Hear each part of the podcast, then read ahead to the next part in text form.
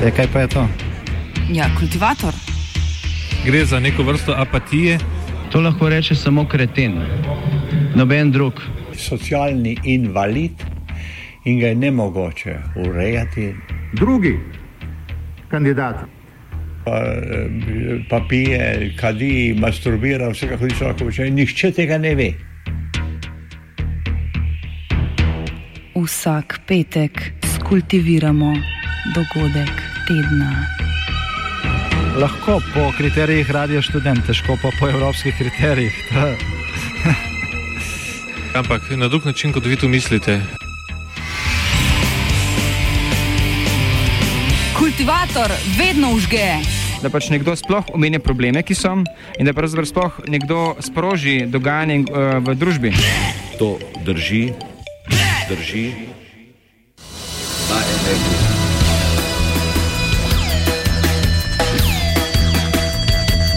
Ignorirani razpis.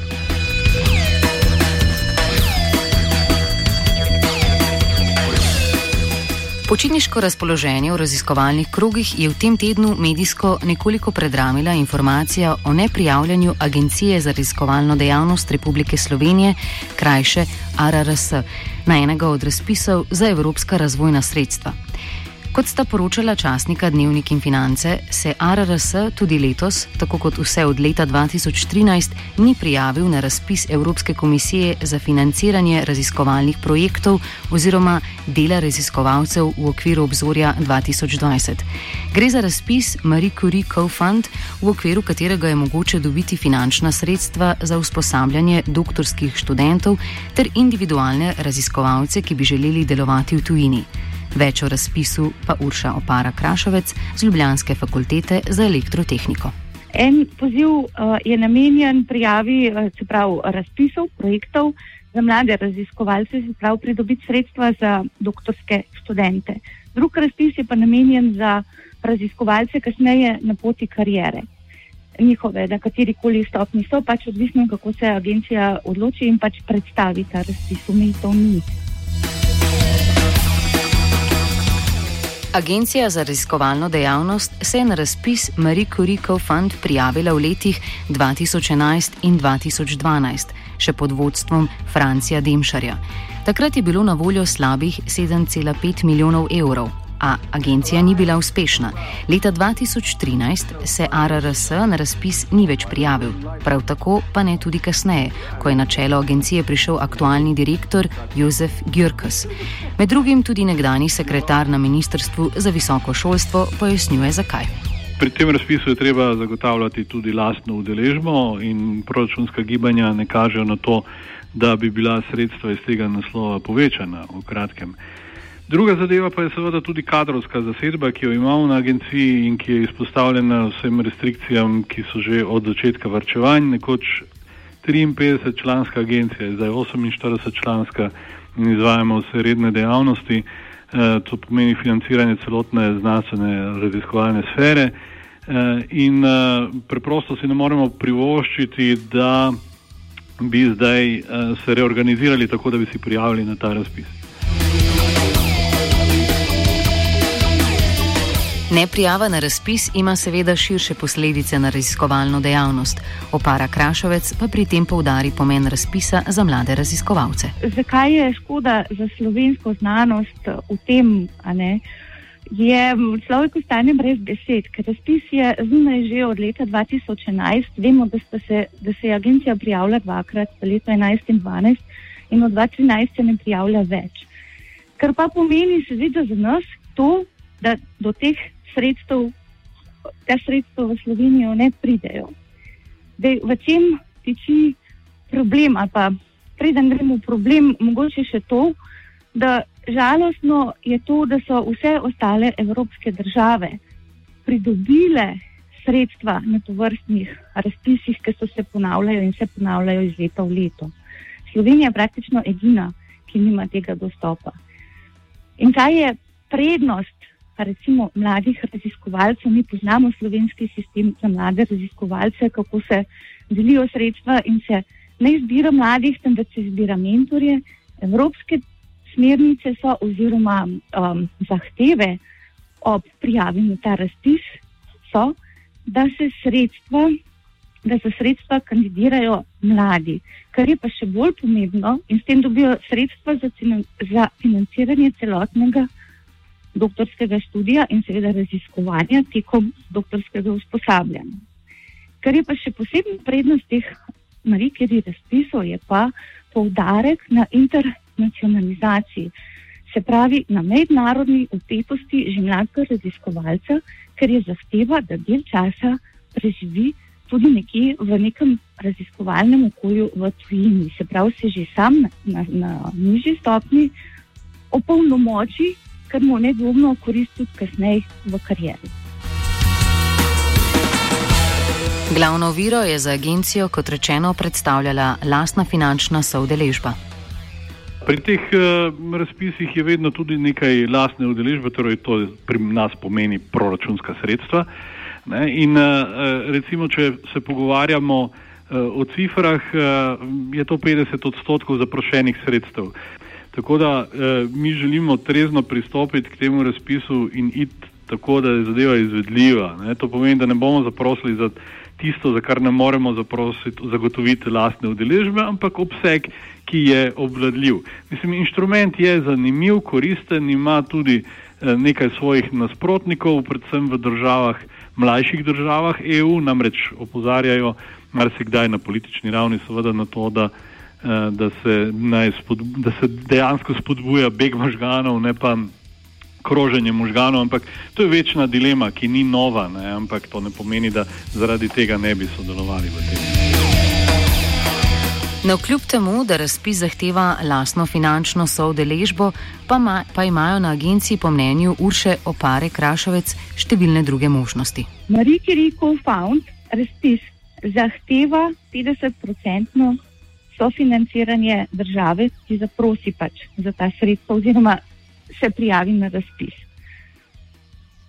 Je pa dejstvo, če preučite razpis, kar ga očitno na agenciji uh, niso v, v podrobnosti, če dajo argument, da ni financ, obstaja možnost, da uporabijo instrument oziroma razpis slovenski, ki je že izoblikovan seveda, če pravila izbire, kako se dodeljujejo ta sredstva, ustrezajo evropskim standardom. To pa ne velja ne za mlade raziskovalce, ne za projekte za raziskovalce na kasnejši stopni izbire. Druga možnost pa je, da kandidirajo z posebno novim razpisom, takrat, v tem primeru, da ga ne uslonijo na trenutni razpis mladih raziskovalcev, pa od tukaj vzamejo del sredstev. Druga opcija pa je, da kandidirajo z sestavijo posebno nov razpis. V tem primeru je ravno tako zahtevana soodeležba in bi pomenil pač uh, proporcionalni delež iz uh, nacionalnega budžeta. Po mnenju nekaterih kritikov z področja raziskovalnih dejavnosti, nekateri med njimi se ob naši prošnji za komentar niso želeli javno izpostaviti, je bilo za neprijavo na razpis Marie Curie Co-Fund izgubljenih 20 milijonov sredstev. Gerkeš takšne ocene smatra za močno pretirane. Mogoče bi rad še malce demistificiral uh, te cifre, ki se pojavljajo v javnosti. Torej, govori se, da da je Slovenija ob 20 milijonov. Ne. To je maksimum, za katerega lahko zaprosi posamezna država članica, maksimum, torej dvakrat po 10 milijonov. E, in skupna vrednost razpisa je pa 80 milijonov. In to, če preračunamo na vse države, ki sodelujejo v obzorjih, je seveda bistveno manj na posamezno državo. Ne. No, kot smo slišali že v vodni direktorjevi izjavi, je za neprijavo na razpis, čeprav so zanj vedeli že slabo leto, kriva tudi kadrovska podhranjenost. Mi izvajamo, torej to je mogoče pomembno, financiranje programov, raziskovalnih programov, raziskovalnih projektov, eh, financiramo ustanovitvene obveznosti, izvajamo nadzor, mlade raziskovalce financiramo ne, in Se, ko preštejete 48 ljudi, je treba zelo, zelo natančno razporediti naloge, ob tem, da administracije praktično več na agenciji ni. Ne? Ker ko pač ukinjaš delovna mesta eh, zaradi zunanjih vplivov, potem najprej odpraviš tista, ki so pa dolgoročno v bistvu pomembna, ne, ker prispevajo k operativnosti. Tako da mi imamo kadrovski problem, ni pa to neke vrste izgovor. Ne. Mi eh, prvič moramo zagotavljati stabilnost financiranja in izvedljivost projektov, ki jih prevzamemo.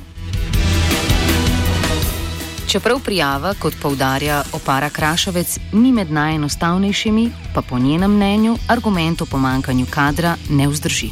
Kadrovskih uh, težav za pripraviti uh, eno tako vlogo, veste, evropski projekti uh, so zelo kompleksni. Ne rečem, da ta prijava na ta razpis najbolj enostavna. Dejstvo je, da je omejena na 30 strani in dejstvo je, da v bistvu v tej vlogi bi morala agencija predstaviti pravila in merila po evropskih standardih. Tako bo potem denar razdeljevala. Agencija za razvojno dejavnost se bo na omenjeni razpis skušala prijaviti predvidoma prihodnje leto. Lažjo prijavo naj bi po besedah Jozefa Gerkeša omogočal tudi spremenjeni pravilnik, ki določa sofinanciranje in ocenjevanje raziskovalne dejavnosti. Ja, pri tem konkretnem razpisu MSCA CoFund sta dva vidika. En je namenjen za študirajoče, ne, torej za doktorske študente, drugi del pa za raziskovalce, ki že imajo doktorat, preprosto povedano. In v tem drugem delu mi ocenjujemo, da ta pravilnik, je bil sprejet pred nekaj tedni uh, in objavljen v uradnem listu, postopek je bil dolg, da ta navaja vse. Um, okoliščine, torej to pomeni, da ta pravilnik je primeren za izvedbo postopka po tem delu MSC CoFund. Zadeve, ki so mogoče malo bolj odprte, so pa v tistem delu za mlade raziskovalce, ker obstoječ sistem za izbiro mladih raziskovalcev je vezan na programske skupine in eh, ne omogoča mladih raziskovalcev za tiste, ki niso člani programskih skupin. Ne? Zdaj ne bi šel v debato, ali je to prav ali ni, dejstvo je takšno. Ampak meseca oktobra bo predstavljena nadgradnja tega sistema mladih raziskovalcev. Na SAZU-ju bo eno srečanje, kjer bo ena posebna delovna skupina predlagala predloge in bomo lahko seveda razširili eh, tudi kompatibilnost z MSCA v naslednjem letu, ukolikor bodo na voljo sredstva Po mnenju Urše Opara Krašovec z Fakultete za elektrotehniko, s katero zaključujemo tokratni kultivator, tudi pravilnik ne prinaša pričakovanih rešitev. To je metanje peska v oči. Pravilnik ne rečem, da se ne približuje evropskim standardom, recimo primer z usklajenim poročilom ocenjevalcev, ki ocenjujejo določene projekte.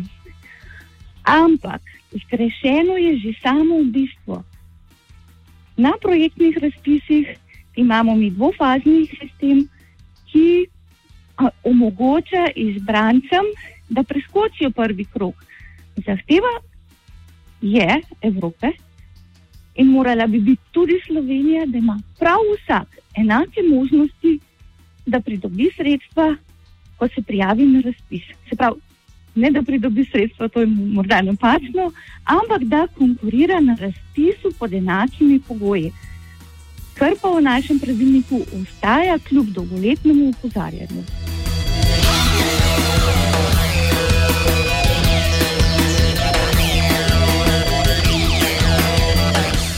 V počitniški maniri je kultivator za laufov Marcen.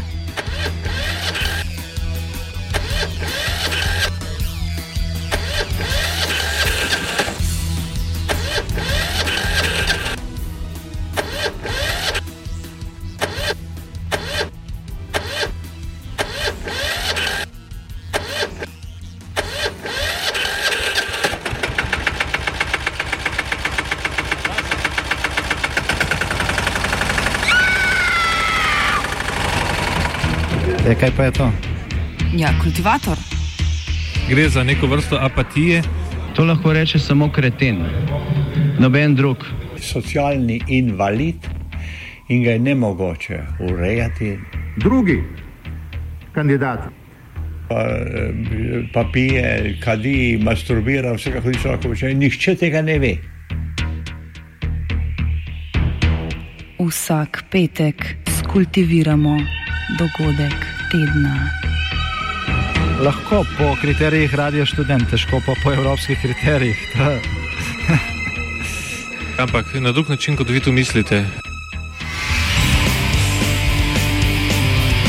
Kultivator vedno užge. Da pač nekdo sploh omenja probleme, ki so, in da pravzaprav sploh nekdo sproži dogajanje uh, v družbi. To drži, drži. Uporabo računalnika na Radiu Student omogoča Štefek.